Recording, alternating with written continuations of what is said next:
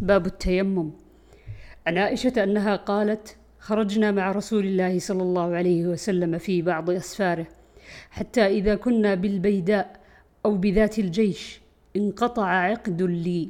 فأقام رسول الله صلى الله عليه وسلم على التماسه وأقام الناس معه وليسوا على ماء وليس معهم ماء.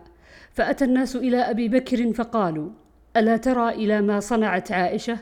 أقامت برسول الله صلى الله عليه وسلم وبالناس وليسوا على ماء وليس معهم ماء فجاء أبو بكر ورسول الله صلى الله عليه وسلم واضع رأسه على فخذي قد نام فقال حبست رسول الله صلى الله عليه وسلم والناس وليسوا على ماء وليس معهم ماء قالت فعاتبني أبو بكر وقال ما شاء الله أن يقول وجعل يطعن بيده في خاصرتي.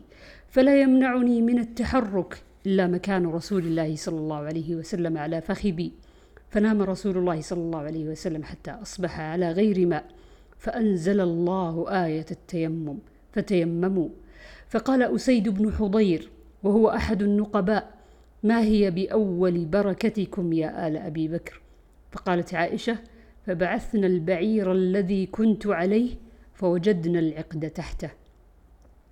وعنها أنها استعارت من أسماء قلادة فهلكت فأرسل رسول الله صلى الله عليه وسلم ناسا من أصحابه في طلبها فأدركتهم الصلاة فصلوا بغير وضوء فلما أتوا النبي صلى الله عليه وسلم شكوا ذلك إليه فنزلت آية التيمم فقال أسيد بن حضير جزاك الله خيرا فوالله ما نزل بك أمر قط إلا جعل الله لك منه مخرجا.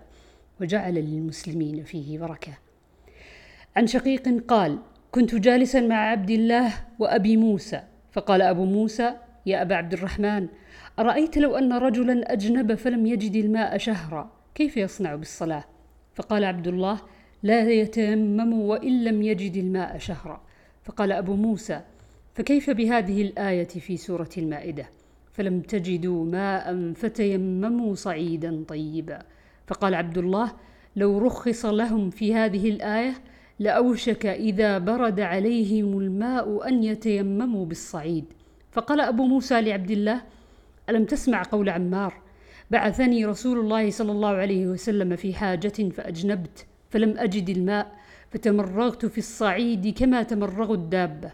ثم أتيت النبي صلى الله عليه وسلم فذكرت ذلك له فقال إنما كان يكفيك أن تقول بيديك هكذا ثم ضرب بيديه إلى الأرض ضربة واحدة ثم مسح الشمال على اليمين وظاهر كفيه ووجهه. فقال عبد الله ألم ترى عمر لم يقنع؟ ألم ترى عمر لم يقنع بقول عمار؟ وفي رواية أنه قال فقال رسول الله صلى الله عليه وسلم إنما كان يكفيك أن تقول هكذا. وضرب بيديه إلى الأرض فنفض يديه فمسح وجهه وكفيه. عن سعيد بن عبد الرحمن بن أبزة عن أبيه أن رجلا أتى عمر فقال إني أجنبت فلم أجد ماء. فقال لا تصلي. فقال عمار أما تذكر يا أمير المؤمنين إذ أنا وأنت في سرية فأجنبنا فلم نجد ماء. فأما أنت فلم تصلي. وأما أنا فتمعكت في التراب وصليت فقال النبي صلى الله عليه وسلم إنما كان يكفيك أن تضرب بيديك الأرض ثم تنفخ ثم تمسح بهما وجهك وكفيك. فقال عمر اتق الله يا عمار. إن, إن فقال إن شئت لم أحدث به. فقال عمر نوليك ما توليت.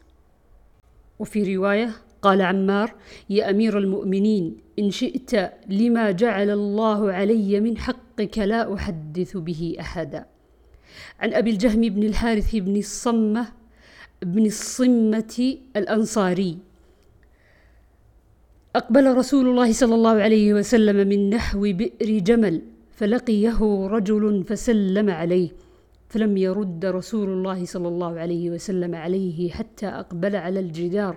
فمسح يديه ووجهه فمسح وجهه ويديه ثم رد عليه السلام.